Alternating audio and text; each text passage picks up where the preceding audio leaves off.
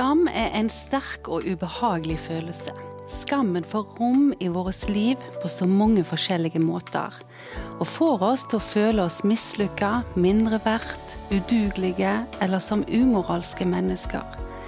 Når vi skammer oss, så mister vi oss sjøl, og det hindrer oss i å leve det livet Gud har for oss. Det kan i verste fall føre til depresjon og angst. Skammen er ekstra vond fordi den griper inn i det djupeste av hvem jeg opplever at jeg sjøl er. Istedenfor sunne tanker om identitet og verdi, så tar en imot løgntanker fra den vonde. Vi vil aldri nå fullkommenheten, fullkommenheten så lenge vi lever på denne jorda og i denne kroppen. Men det er ikke meninga at vi skal leve vårt liv knebla av skam. Så hvordan kan vi komme fri fra skammens grep i våre liv? Jesus ønsker å føre oss ut i frihet. På samme måte som han gjorde opp for våre synder, så har han òg tatt skammen opp på korset. Dette skjedde for 2000 år siden, midt i vår historie. Frihet fra skam er ikke noe som bare hører framtida og himmelen til. Den er tilgjengelig for oss i dag. Bli med oss nå når vi skal ta samtalen om skam.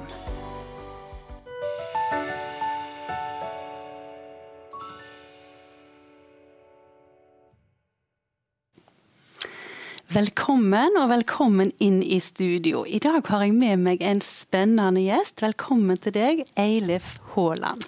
Takk skal du ha. Kan ikke du fortelle litt om deg sjøl? Hvem er du, Eilif? Ja, jeg er en beskjeden bergenser. Nei, nå må jeg snakke sant om meg sjøl. Jeg er en bergenser, men jeg ønsker å definere meg først og fremst som et Guds barn, frelst av nåde. Mm. Men eh, som sagt, jeg kommer fra et kristent hjem. Jeg var elleve år når jeg tok et bevisst standpunkt for Jesus. Eh, men 36 år gammel, når jeg var for lengst i gang med jobben min som lege, så hadde jeg et spesielt møte med en pasient. Ja. Eh, hvor jeg måtte gi et veldig negativt budskap til vedkommende. Og jeg var sympatisk, men jeg var ikke koblet følelsesmessig. Um, og etter samtalen, og vedkommende var gått, så plutselig så reiser dette spørsmålet hvem er du egentlig? Men hva, hva følte du nå? Um, og det satte i gang andre prosesser i mitt liv. Eh, jeg reiste spørsmålet kjenner du deg sjøl. Mm. Um, hva betyr det å kjenne? Mm. Kjenner du Gud? Jeg hadde vært kristen som sagt i 25 år. Mm. Uh, hva betyr det å kjenne Gud? Og det ble en veldig veldig sterk lengsel i meg etter å søke svar på dette, egentlig.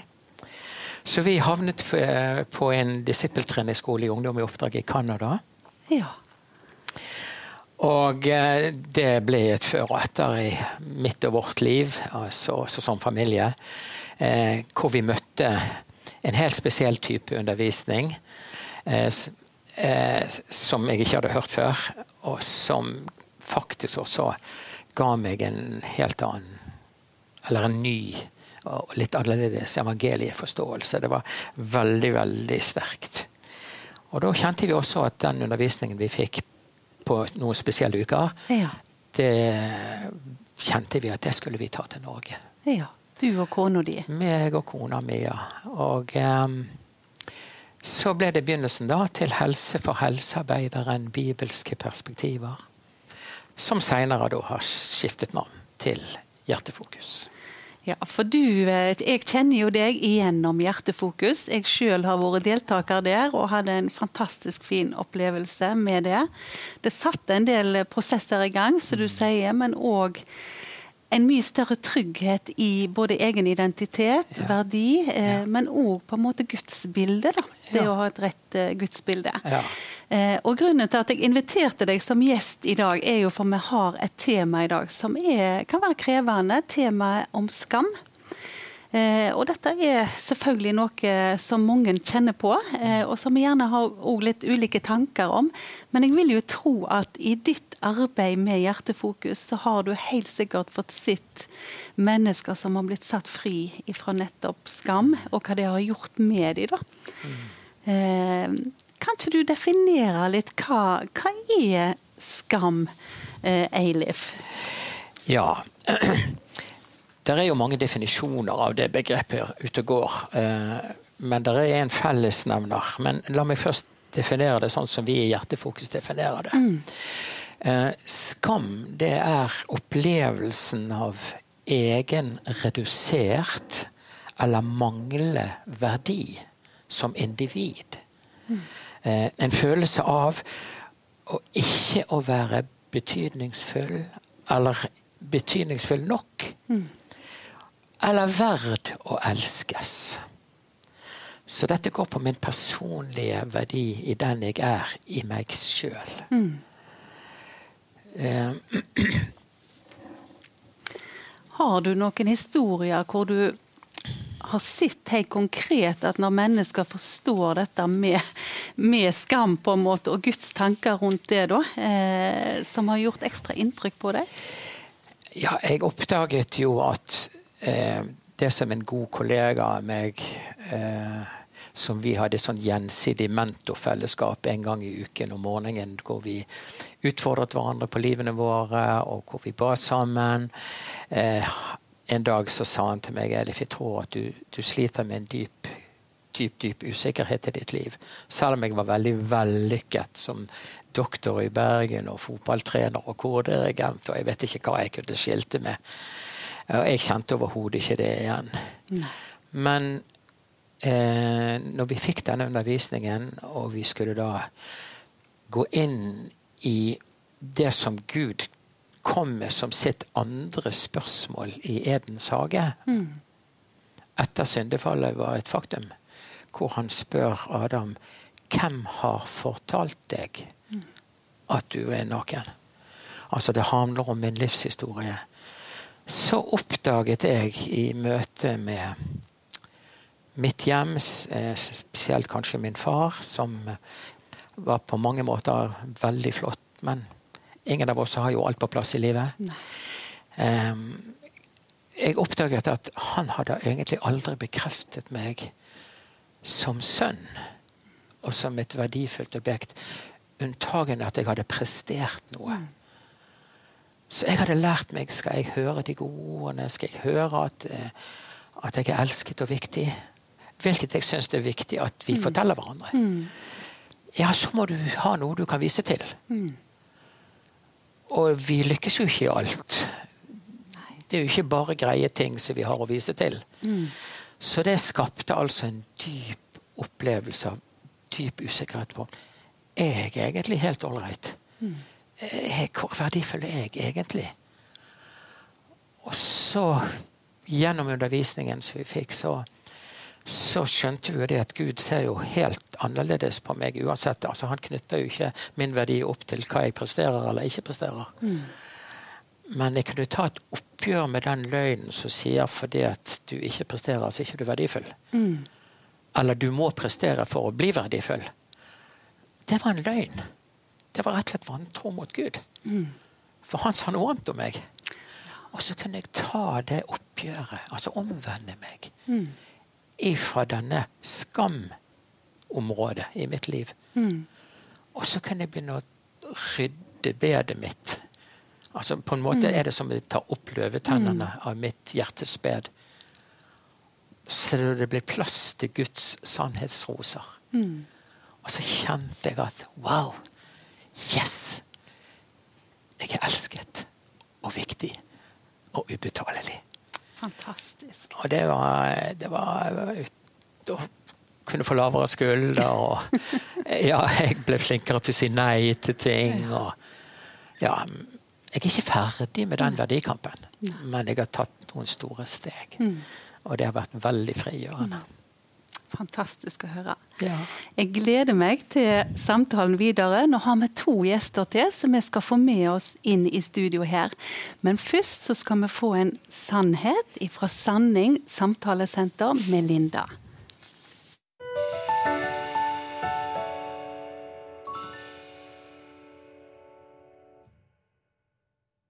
Jesus tok din synd og skam på seg.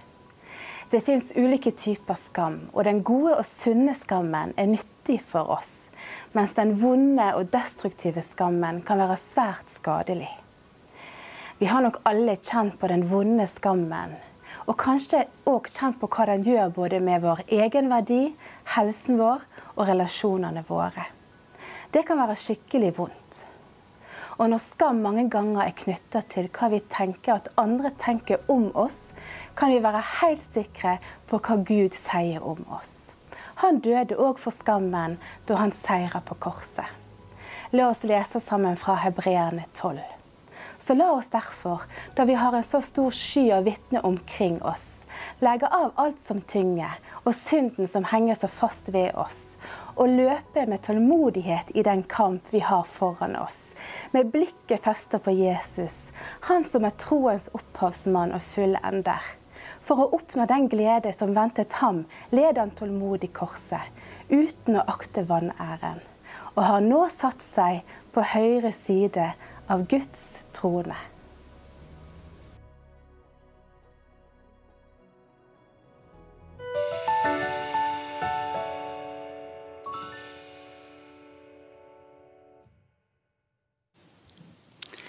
Da har vi fått med oss to nye gjester i studio. Velkommen til deg, Jens Thoresen, og deg, Jon Inge Rolfsnes. Tusen takk. Jon Inge, kan ikke du fortelle litt, hvem er du? Jo, jeg er eh, født og oppvokst på Stord. Eh, en eh, kar på 52 år. Gift med Gunhild og har tre jenter sammen. Ja, og jobber som sosionom i Stord kommune, i rusomsorgen. Og, men har òg tidligere fagbrev som maskinarbeider i bunnen, som er litt sånn Velger å tro meg litt allsidig. Ja, en allsidig kar. ja, musikkglad fyr, da. Mm. Ja. ja. Og du Jens Storesen, kan ja. ikke du fortelle litt om hvem er du? Ja, jeg er en fyr på 69 år. Nå er jeg delvis pensjonist, delvis pastor og litt vikarlærer. Jeg har ellers jobba i norsk skole hele mitt voksne arbeidsliv omtrent. Mm. Jeg eh, er pastor i Kristkirka på Stord, en liten skjønnmenighet. Eh, så der er selvfølgelig alle velkommen når de har lyst. Og jeg er gift med Tove, og vi har fem barn og åtte barnebarn, så jeg syns jeg lever et veldig rikt liv. Ja. Ja. Du er rik. Ja. I dag eh, er jo dagens tema skam. Eh, og dere jobber jo med mennesker alle tre, og har jobba med mennesker nesten hele livet i ulike i former. Eh, og når vi jobber med folk, så, så ser vi jo gjerne òg virkningen skam har i et menneske sitt liv, kanskje da spesielt negativt. Ikke hvordan det er med deg, Jon Inge. I, I, jobben du har nå, så vil jeg jo tro at du ser litt hva, hva skam gjør med et menneske, da. Ja, da kan den jo absolutt uh, Du resonnerer nok godt der, ja. Uh, rus er jo ikke Det er jo et stort, stort stigma. Uh, som jeg òg, når jeg begynte å jobbe med rusavhengige, så hadde jo jeg en forestilling av hva dette var for slags type folk. Mm. Og opplever jo at det har vært fantastisk egentlig givende å kunne begynne å etablere relasjoner med dem. Og og komme bak stigmaet og se menneskene. Mm. Det er akkurat som meg og de jeg kjenner ellers, uh, sliter med akkurat de samme tingene. Har vært uheldige på visse områder som har fått store konsekvenser mm. for dem. Som har gjort at de er blitt rusavhengige. Men uh, reflekterte folk, uh, kloke folk, snille og gode og varme, men har et rusproblem. Mm. Og det er skamfullt for dem, og de ønsker jo alltid, og, og, som alle mennesker, tror jeg, vi ønsker å presentere oss med vår beste side når vi er ute blant andre. Mm. Eh, det gjør eh, de òg, så det har vi til felles. Eh, så jeg har mye til felles med dem, men jeg, jeg, har ikke rusavhengigheten til felles med dem. Men vi har masse kjekt i lag. Mm. Jeg syns det er givende. Og jeg er heldig som får lov å bli kjent med dem. Så jeg har måttet justere mitt eget syn på, mm. på For jeg hadde en oppfatning som egentlig ligger litt i samfunnet vårt, tror jeg. Hvilken type menneske dette er. Mm. Men det, da, da har ikke stemt så langt som jeg har hatt med dette gjort, iallfall. Og når vi strever med ting, så har vi jo en tendens til å drive med smertelindring. og den har jo sitt utspill i ulike ting. Sant? Det kan være rus, det kan være å jobbe seg halvt i hæl. Eh, så mange ulike ting, da. Men jeg vil jo tro eh, i deres yrke òg Hvordan har det vært, Jens? Du har jo òg møtt spesielt gjerne ungdommer i din eh, jobb på ungdomsskolen, og, og, det å jobbe med den gruppa. er det noe som på en måte har stukket seg ut i forhold til smertelindring når det gjelder å dempe skam, da, så du har reflektert over eller merka deg? Ja, jeg vet ikke om jeg kan svare veldig godt på det spørsmålet Nei. der, Ingvild. Uh, jeg har jobba mye med ungdommer. Jeg har uh, uh, ungdommer som har høy selvtillit, mm. ungdommer som har veldig låg selvtillit. Ungdommer som uh, snakker mye, ungdommer som nesten ikke tør å si noe. Mm. Fordi eh, de lurer på om eh, de sier rette ting. Om medelever og lærere evaluerer de eller dømmer de i det de sier, osv. Så, videre. så det er veldig mye sånn i skoleverket at, eh, at uh, elevene har i grunnen et De er på en scene. Mm. Og de ønsker ikke å dumme seg ut. Mm. Uh, og da er vi vel litt borti dette med skam, ja. vil jeg tro. Mm. La, meg, la, meg, skjule det som jeg tror uh, folk vil oppleve som enten rart eller dumt, eller hva det nå enn mm. er for noe. Mm. Så, så, sånne ting ser vi jo i klasserommet mm. hele tida.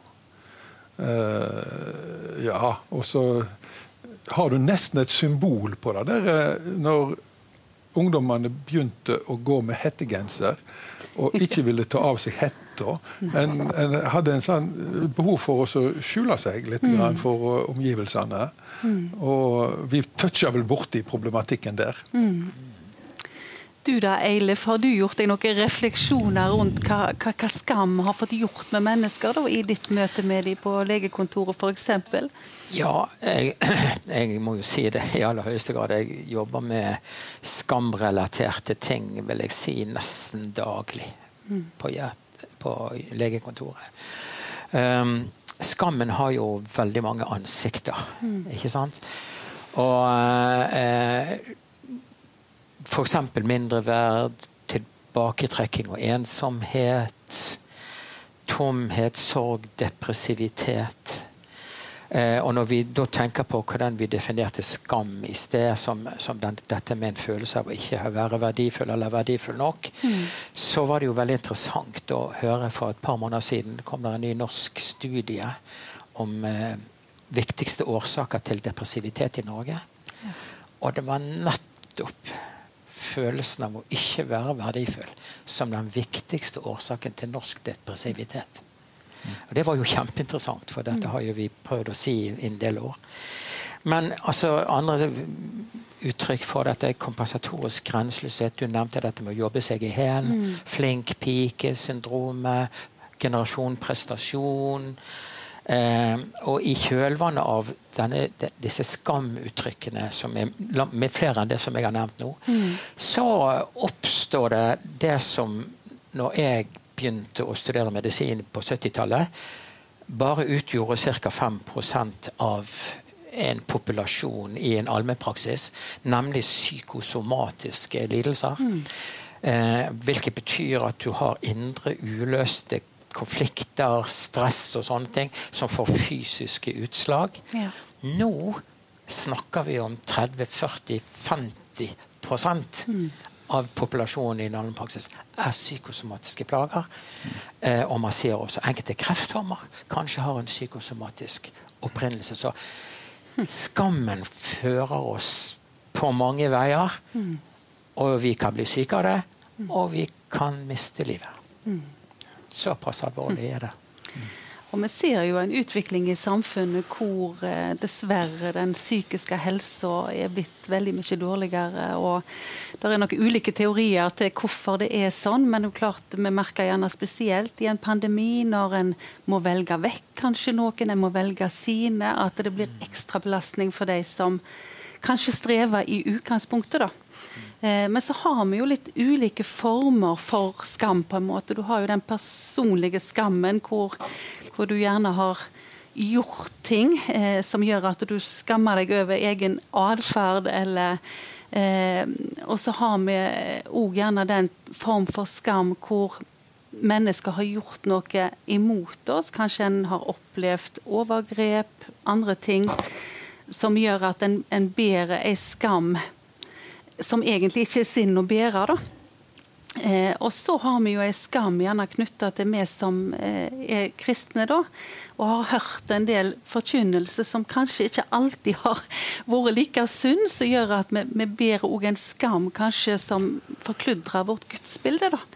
Eh, og synet på Gud som far. Eh, hva tenker dere eh, farsbildet vi har på Gud, har å bety for oss i forhold til skam? da? Har du noen tanker rundt det, Jens?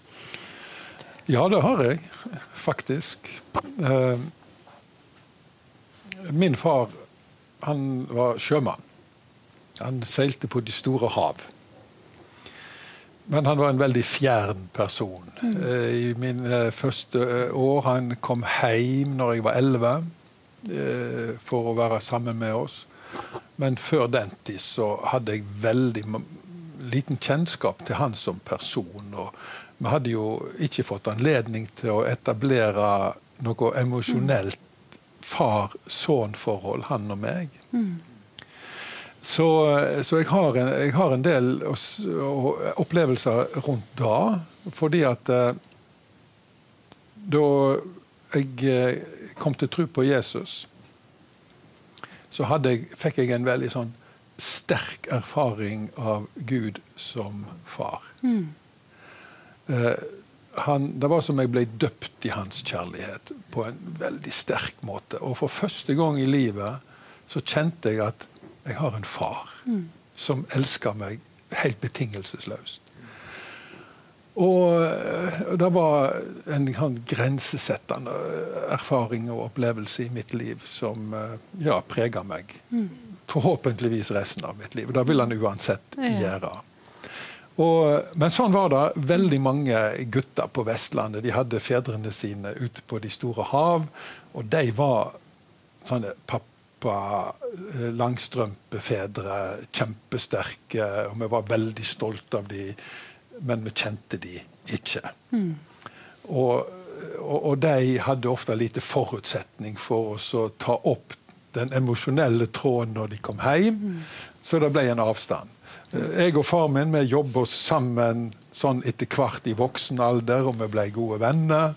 Og, og, sånn, og Han har en, alltid hatt en sånn stor plass i livet mitt, men han kunne aldri fylle farsrollen sin. Mm utenom at han holdt meg i live. Mm. Men det kunne Gud. Mm. Og, og, det kom så overraskende på meg. Mm. For det var bare en åpenbaring. Og, og, så mye datt på plass i livet mitt. altså. Gjorde det. Så ja, jeg har litt erfaring av det. Mm. Mm. Det er jo kjempeviktig dette med hva bildet vi har av Gud, hvis ja. vi skal klare å ta imot ja. egentlig noe som helst fra ja. Gud. Dette med liksom definisjonen av det. da. Og så syns jeg, bare for å si da, at ja. hvor elegant Den hellige ånd er mm. Han var ikke avhengig av at jeg hadde hatt en god farsrelasjon mm. for å kunne gi meg det. Mm. mm. Et rett bilde av Gud. Mm. Så det har jeg tenkt på seinere. For mm. vi har jo ofte sagt at for at du kan forstå Gud rett, så må du ha hatt en god oppvekst. Men det tror ikke jeg er sant. Nei. Den hellige ånd tar seg av den biten. Og det er et evangelium. Mm. Handler ikke dette litt om identitet i bunn og grunn? Altså ja. identiteten vår, altså, eh, hvordan vi forstår oss sjøl. Mm. Både i forhold til andre mennesker og i forhold til Gud. Eh, for eh, hvis jeg skammer meg over min identitet, så har jeg gjerne begynt å tro på disse løgntankene som du mm. innleda med, Ingvild. Jeg tror at jeg tror at Eh, I et samfunn som eh, i Norge i dag, så har en jo inntrykk av at eh, de kristne blir i stor grad marginalisert. I større og større grad. Og hvis vi da, vi som kristne, begynner å tro på det mm. samfunnet rundt mm. oss forteller om oss, så har vi òg tatt disse løgntankene til eie i vårt eget liv. Mm. Og så begynner det å bære feil av gårde. Mm. Um, og jeg tror at jeg tror at mange kjenner på det. At, eh, og jeg har sjøl kjent på det mange ganger i oppveksten. At jeg skammer meg over at jeg kom fra en kristen heim. For jeg opplevde jo at det var ikke populært. Det var ikke særlig kult. Eh, og det var jo viktig å være kul i ungdommen. Eh, å være en del av på en måte gjengen, og da føle seg på en måte inkludert i et fellesskap, eh, og det store fellesskapet, det, det er viktig. Mm. Og Hvis vi ikke gjør det, så, så er det et eller annet som skurrer sant? i bunn og grunn. Eh, og det handler om identiteten vår, altså hvordan vi forstår oss sjøl i møte med andre og, og Gud. Mm. Mm. Og Desto viktigere tror jeg det er dette med liksom å forstå hva, hva, har jeg fått i Gud? Hva har jeg fått i frelsen? For klart at Hvis skatten på en måte ikke er så synlig for oss, så blir desto prisen på en måte høyere å betale. Altså, sant? det er noe med hva har jeg blitt frelst ifra? Mm. Eh, så jeg tror jo det er kjempeviktig liksom, med disse her eh, Hvordan ser Gud på meg? Mm. Eh, hva øyne og hva briller ser han meg med? Mm. Hva fyller jeg mitt eget tankeliv og verdisenter med, da? Eh, mm. Dere underviser jo en del om dette i Hjertefokus, Eilif. Jeg er helt sikker på at du har mye rundt det. Men hvor viktig er dette med, med gudsbildet? egentlig for å kunne klare å ta imot ja, det som Gud har? Jeg, jeg, tenker at uh, altså, vi har jo vi har jo en indre uh, referansebank. Mm. Altså vi har definisjoner inni oss som forteller meg hvem jeg er, hvor viktig jeg er, hvor verdifull jeg er, og så hva slags valg jeg skal ta, osv. Og, og det får jo konsekvenser også hva jeg føler om, om ting. Og eh, det er jo slik at jeg kan ha ett bilde av Gud i min bevisste hjerne. Og de bevisste tankene mine de utgjør faktisk ikke mer enn 10-15% av mine tanker. Mm. 85-90% av mine menneskets tanker er ubevisste. Mm. De har vi, men vi vet ikke hva de er for noe. Mm. Og i møte med livet så gjør hjertet masse tolkninger av ting. Så Guds bilde det leser vi veldig mye gjennom våre foreldre. Mm. Og der er jo ingen perfekte. Mm. Eh, I hvert fall så tolker ikke vi de alltid som snille og greie. Mm. Eh, så de skaper et indre referansesystem hvor vi leser da Gud på to plan. I min bevisste hjerne så er han jo en hyggelig og snill fyr som vil meg bare vel. Men det er ikke sikkert at hjertet henger med i hver sving. Mm.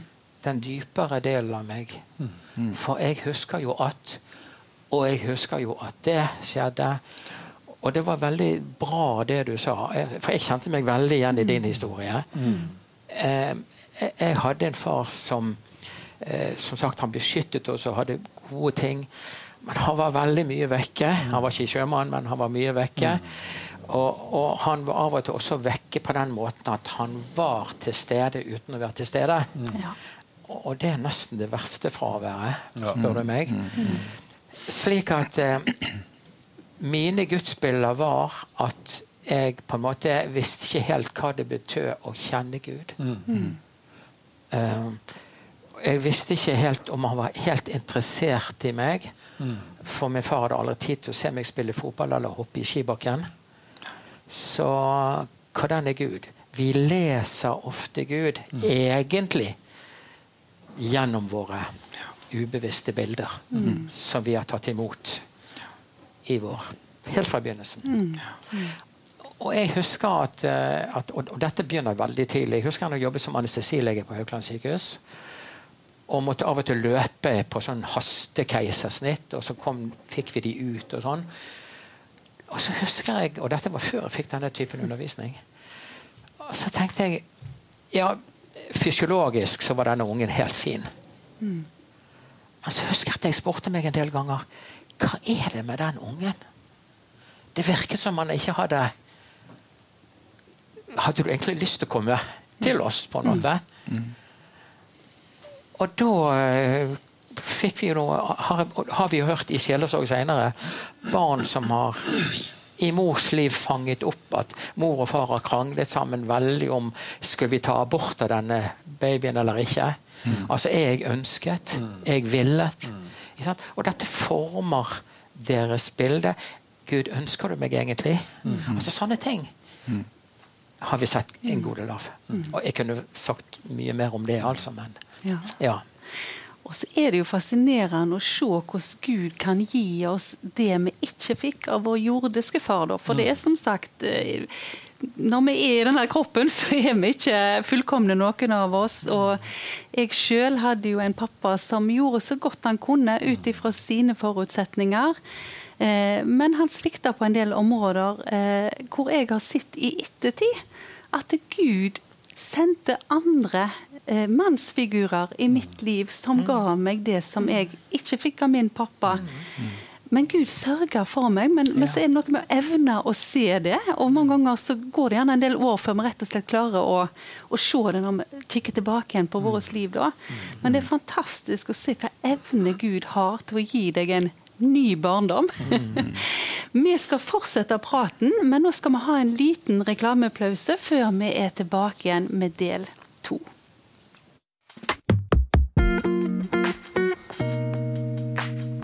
Takk for at du ser på programmet vårt.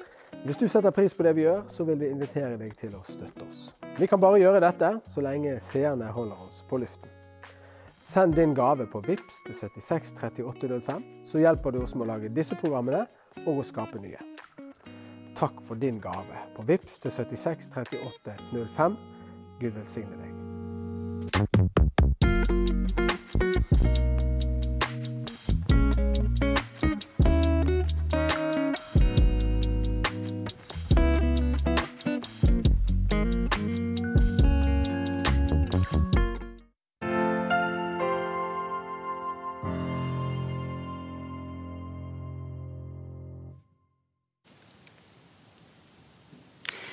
Var vi tilbake igjen i samtalen om temaet skam. Eh, I dagens samfunn så er det jo sånn at mange, kanskje spesielt unge mennesker, møter på mye forakt for troa si blant medstudenter. Eh, gjerne når du skal ut og søke jobb, arbeidslivet. Eh, jeg har lest i en del undersøkelser at mange faktisk velger å slette spor av kristen aktivitet på CV.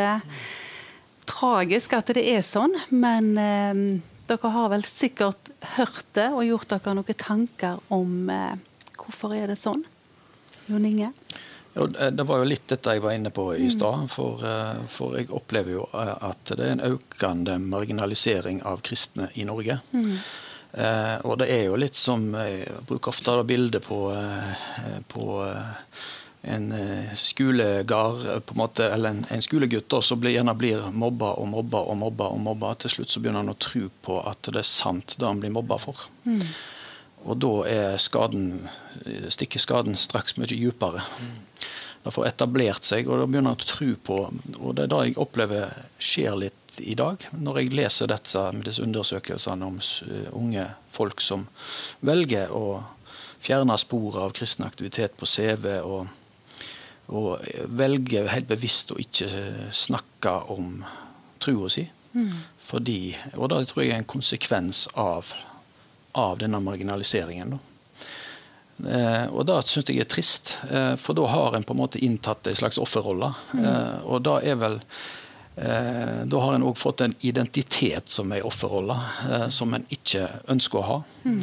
Da velger jeg å ikke ha den, og velger å være noe annet enn Og det er på en måte òg eh, noe litt uærlig i det, som jeg reagerer på.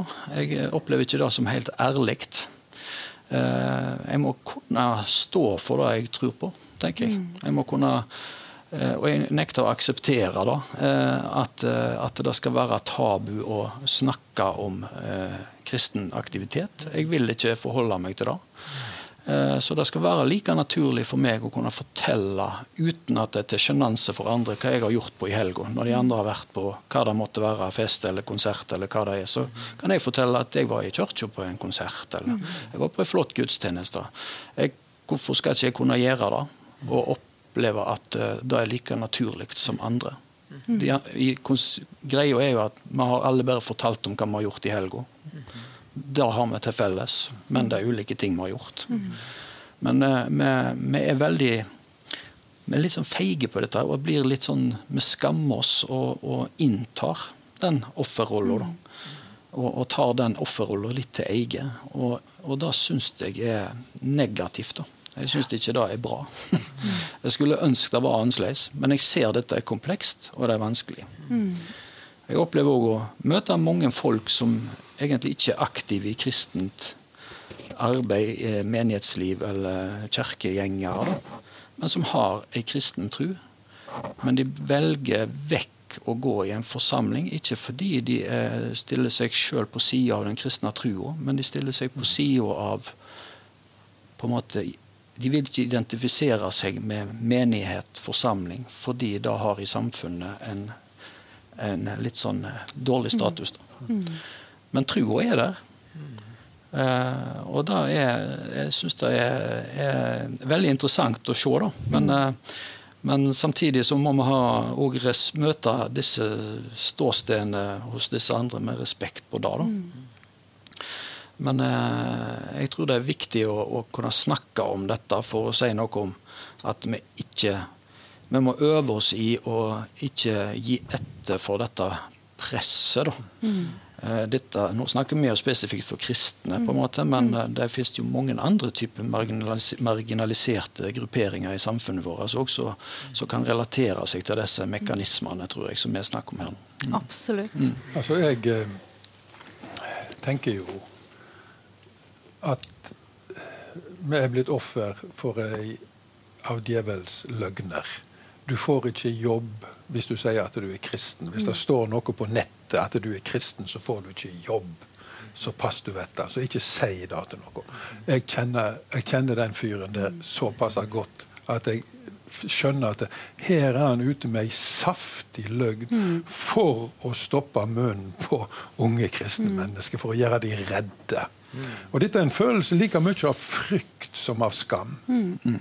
For jeg ser liksom framtida mi kan ryke. Jeg får ikke et økonomisk grunnlag for å stifte familie. og Jeg ser på fattigdom og svolt. Hva, hva kan ikke skje med meg? Ja, du må bare tie stilt, slik at ikke dette skjer med deg. Og, og her, her, gjenkjenner jeg han så til de grader, altså. Ja. Eh, og da skal folk heller høre på Jesus når han taler i bergpreik og i Matteus mm. 6. Se på fuglene under himmelen. Se på liljene på marka. Kjære vene, dere er jo mye mer verdt mm. enn både lilje og sporver. Og når Gud før de og kler de hvor mye mer ikke dere? Så ungdommene må fòre seg med den rette informasjonen, og den kommer fra Jesus, altså. Og så søk Guds rike først. Så skal dere få alt det andre i tillegg. Dere skal få gjøre utrolige erfaringer. Og vi som pastorer, kristne ledere, vi må mate ungdommene. Her ligger det store og gode opplevelser i, i, i framkant som dere vil erfare hvis dere går på den veien som Jesus skisserer. Mm. Og så er det jo sånn at selvfølgelig det å være en etterfølger av Jesus har en pris. Ja. Eh, og i våre samfunn så er kanskje dette en av prisene. Dette med å tåle forakt. Men at det ikke får rokke med identiteten og verdien vår, og, og, det å vokte hjertet vårt mot det. Hvordan kan vi gjøre det, på en måte? Sant? Du er jo litt inne på det, men det er jo igjen hva fôrer jeg meg med, og hva, hva lar jeg bli sannhet om meg? Eh, og, og, det er jo mange røster i dag som vil definere noe om oss. Og jeg kjenner jo sjøl at hvis jeg fòrer meg mye med denne forakten som dukker opp i ulike, så gjør det noe med meg hvis ikke jeg vokter meg og passer på, da. Eh, har du noen gode tips, Eilif, for hvordan en kan på en måte fòre seg sjøl for å klare å bli stående da, i den fighten det faktisk er da, å, ta opp akkurat den type kors da, i mm. livet sitt. Kanskje som ja. Nei, altså Nå kan det jo dette bli på en måte lett noe sånn klisjéaktig, mm. på en måte. Eh, og liksom sånn ta deg sammen-greier. Men, eh, men like, tenker, tenker like fullt at vi er nødt til å plassere oss et sted i forhold til Gud, Den hellige ånd, Jesus, hvor de kan nå mitt hjerte. Mm. Slik at mitt hjerte kan bli styrket. Mm. Eh, for det, det, jeg tenker det er jo ordet og ånden som skal bære mitt liv. Mm. Men vi kan ikke snakke lett om dette. Og jeg syns eh, Ikke for at vi skal begynne noen diskusjon om det her, men jeg syns det, det, er et vanskelig vers, det der 'søk først Guds rike og hans rettferdighet, så skal du få alt det andre tillegg'. For vi må vel i all ærlighet si at iallfall vet jeg om ganske mange folk som virkelig søker Gud. Men så har det vanvittig vanskelig. Også på de materielle sidene. Så det er ikke lett.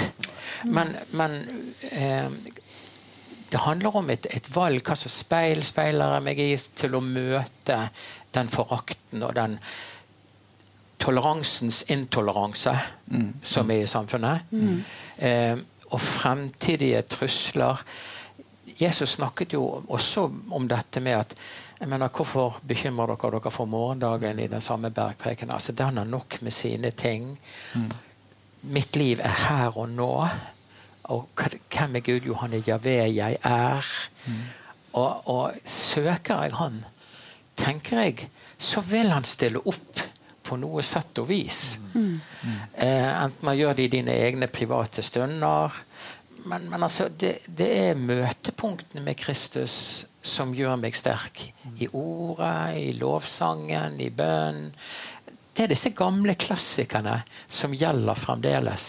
Og i, ikke minst også i fellesskapet. Mm. Så fellesskapet var jo ment å være en oppmuntrende og en bærende kraft. Mm. Men da må vi snakke sant om livet i mm. våre fellesskap. Mm. Vi må ikke bare snakke om livet sånn som vi skulle ønske det var, mm. som om det var slik. Mm. Nettopp. Mm. Så enig med deg der, Men vi må snakke sant om livet. Mm. Og vi må snakke sant om Gud. Jeg eh, tenker òg på at det er jo mange truende mennesker i verden som opplever motstand på en helt annen måte enn oss her i Norge. Ja. De har nok mye å bidra med akkurat i denne Og kunne gjort det i denne samtalen. Mm. Eh, der da å ta opp korset sitt eh, faktisk talt betyr noe helt annet enn hos oss. Mm. Eh, og det er ofte der du finner den største Kristusbegeistringen midt i lidelsen, mm. så har de en sånn djup kjærlighet til Jesus at de syns det er vanskelig å tie stilt om han, faktisk. Mm. Uh, og jeg har jo i mange år interessert meg for uh, den lidende kristne kirka og fulgt med på hva som har skjedd i de ulike landene. Og sånt. Og, og, og da å lese vitnesbyrd derifra, da er veldig sterkt. Og da kan jo være en ting en måte å møte sin egen frykt mm. å, lese om disse folka. Hvordan har dere møtt frykten deres? For de er redde, de òg. Mm. De er det. Men, eh, men de, har, eh, de, har, eh, opplevd Kristi kjærlighet. Så i fall, kanskje de har opplevd noe av det som Johannes sier, at kjærl, den fullkomne kjærligheten driver frykten ut. Mm. Uh, og jeg innbiller meg jo at det da er noe som også vi kan oppleve som her i Norge. Mm. Mm. Absolutt. Jeg, jeg er veldig eh, på mange måter begeistret for biskop Thomas i Den koptiske kirke. Han har en nydelig illustrasjon som vi bruker på Hjertefokusuken. Ja. Um, um, men han sier at jo mer Kristus vinner skikkelse i meg, altså jo mer han blir en del av flere og flere rom i mitt hjerte mm. Det som de gamle kalte for helliggjørelsen. Mm. Så sier han en ting. For det, jeg, jeg, må si en ting først. Mm. Man har reist spørsmål til den koptiske kirken. Hvordan er det mulig for denne kirken å elske sine fiender mm. som de gjør? Mm. Eh, de går sikkert sultne til køys mm. en del. Ja, jeg tror det. Ja. Og, og de, de, har møtt forferdelige ting. Hvordan er det mulig for dem å elske disse menneskene som gjør dem så mye vondt? Hvordan er det mulig å tilgi dem? Og så sier han jo mer Kristus får plass og vinner skikkelse i deg, mm. jo større blir du enn du er i deg sjøl. Mm. Derfor kan vi tilgi. Ja. Mm. Derfor kan vi elske. Derfor kan vi tåle. Mm. mm. Jeg syns det er fantastisk. Ja, det er og det har, dette kan anvendes inn i vårt samfunn. Mm. Kan jeg gå i møte med min CV mm. og legge den ut mm. og undervise om at Kristus i meg er i stand til å bære meg. Mm. Og han er større enn min frykt. Ja. Men jeg har lyst til å si, eh, bare sånn til, hvis det er noen unge som ser på eh, dette mm. programmet også, så har jeg lyst til å si at jeg har vært åpen om all min kristne aktivitet i CV-en. og har snakket villig om det i mm. jobbintervju, eh, hvordan, der jeg har vært på jobbintervju. Mm. Og har aldri møtt noe negativt med det. Heller stikk motsatt. Ja. Veldig positivt stort sett hele veien. Så, så det eh, er viktig å la sånne budskap komme fram òg. Ja, absolutt. Ja. Men bildet er jo nyansert. Ja. Men det som du sa, Jon Inge, det er blitt tøffere klima det er det. i dette landet. Mm. Helt eh, til slutt, tida går fort, vet du, i godt lag. Eh, men har, har, du, Eilif, et bibelvers som har vært godt for deg eh, i møte med skam i eget liv? Ja, jeg, jeg, så spørsmålet ditt på forhånd der og tenkte det er jo så mange Men jeg kommer stadig vekk tilbake til Stefania 3, 16 og 17. Mm. Herren fryder og gleder seg over deg. Han gir deg på ny sin kjærlighet. Mm. Og det forteller noe om For meg det var ikke nagle som holdt Kristus på korset. Det var min ufattelige verdi, og det var hans ufattelige kjærlighet til meg. Da reiser jeg meg i skammen og mot skammen. Mm. Det bærer. Ja. Mm. Og så er det jo noe med kraften i det å få lov til å bekjenne sin synd og motta tilgivelse. Ja. Ja. Eh, du sa noe fint til meg, eh, Jens, eh, når vi kjørte her til i dag. Dette med, med at Jesus dør for all vår synd. Og da er det ikke utenom det og det og det. Mm, Fisking forbudt.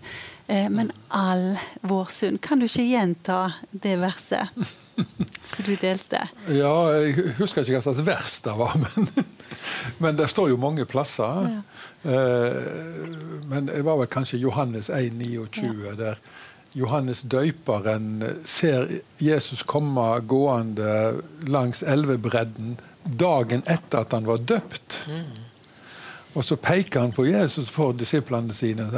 Se der Guds lam som bærer bort all verdens synd. Ja. Og Det er jo en sånn veldig sterk uttalelse, for det var da Jesus kom for å gjøre, for å ta på seg all synd. Ikke bare den bekjente synd, men faktisk talt også den ubekjente, slik at det gir mening i å bekjenne den. Amen. Da skal vi få en andakt av Jan Roger Nesse.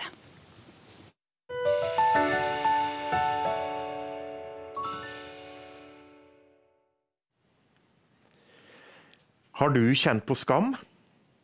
Skam er en følelse. Og den følelsen har vi nok hatt, eh, alle sammen av oss. En følelse av mislykkethet eller å være udugelig, ikke tilstrekkelig. Eh, frykt for skam det kan jo faktisk eh, oppdra oss også. Flyskam har du hørt om. Noen flyr ikke fordi de skammer seg over å bidra til mange utslipp. Da er det jo ikke noen synd eller noen skyld, så vi må ikke alltid koble det sammen med det. Skam er ikke alltid synd eller skyld, men det kan henge sammen. Noen er jo til og med stolt av sin synd. Kanskje den eh, siste skatteunndragelsen blir skrøtet av uten å skamme seg over. Så vi kan ikke alltid koble synd og, skyld og skam sammen. Men hvis vi går til Bibelen, da, så er ordet skam i den norske bibelen eh, benytta rundt 285 ganger.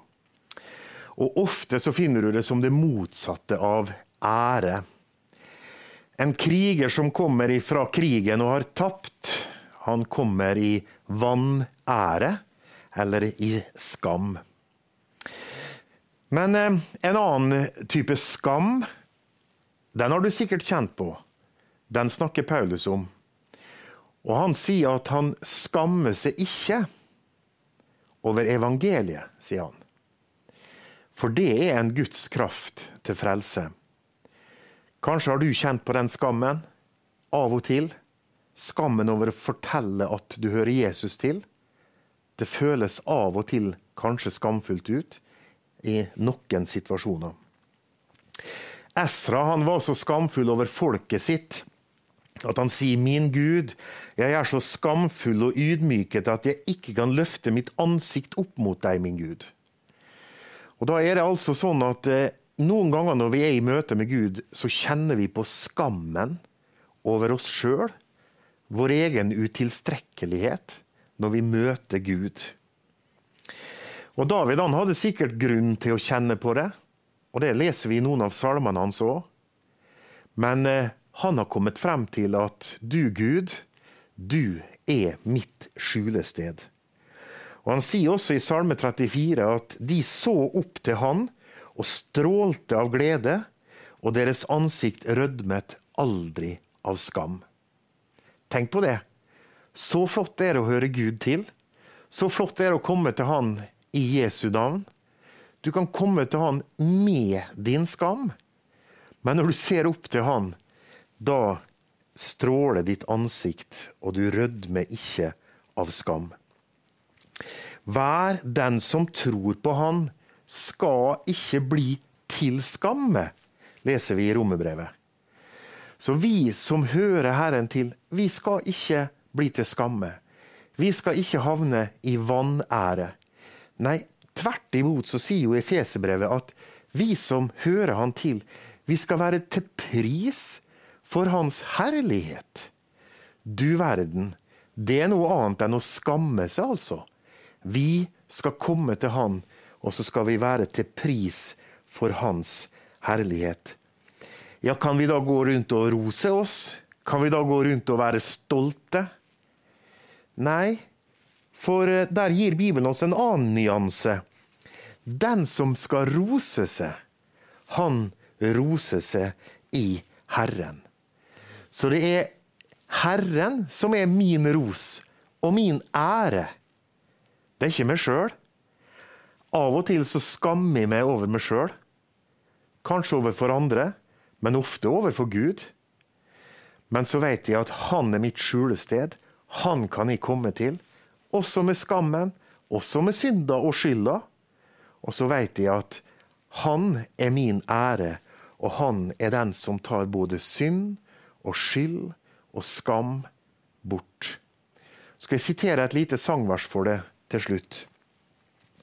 Du som freden meg forkynner. Du en frelser, jeg en synder.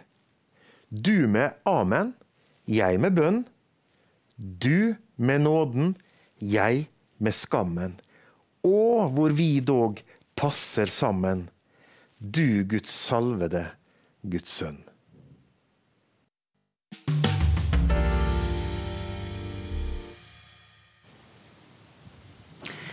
Gjenstår det bare for meg å takke for at dere tre hadde lyst til å være mine gjester i samtalen i dag. Ble du nysgjerrig på hva hjertefokus er, så går du inn på eh, nettsida hjertefokus.no. Tusen takk til Jon Roger, som hadde andag for oss i dag. Og så håper jeg at du har fått noen gode nøkler og noen ting til å tenke over i forbindelse med når du møter skam i ditt eget liv. Jeg har lyst helt til slutt å minne om et bibelvers som står i 1. Johannes 3, vers 20. Sjøl om hjertet fordømmer oss, så er Gud større enn vårt hjerte og vet alt. Da må Gud velsigne deg, må du ha en nydelig kveld videre, og takk for følget.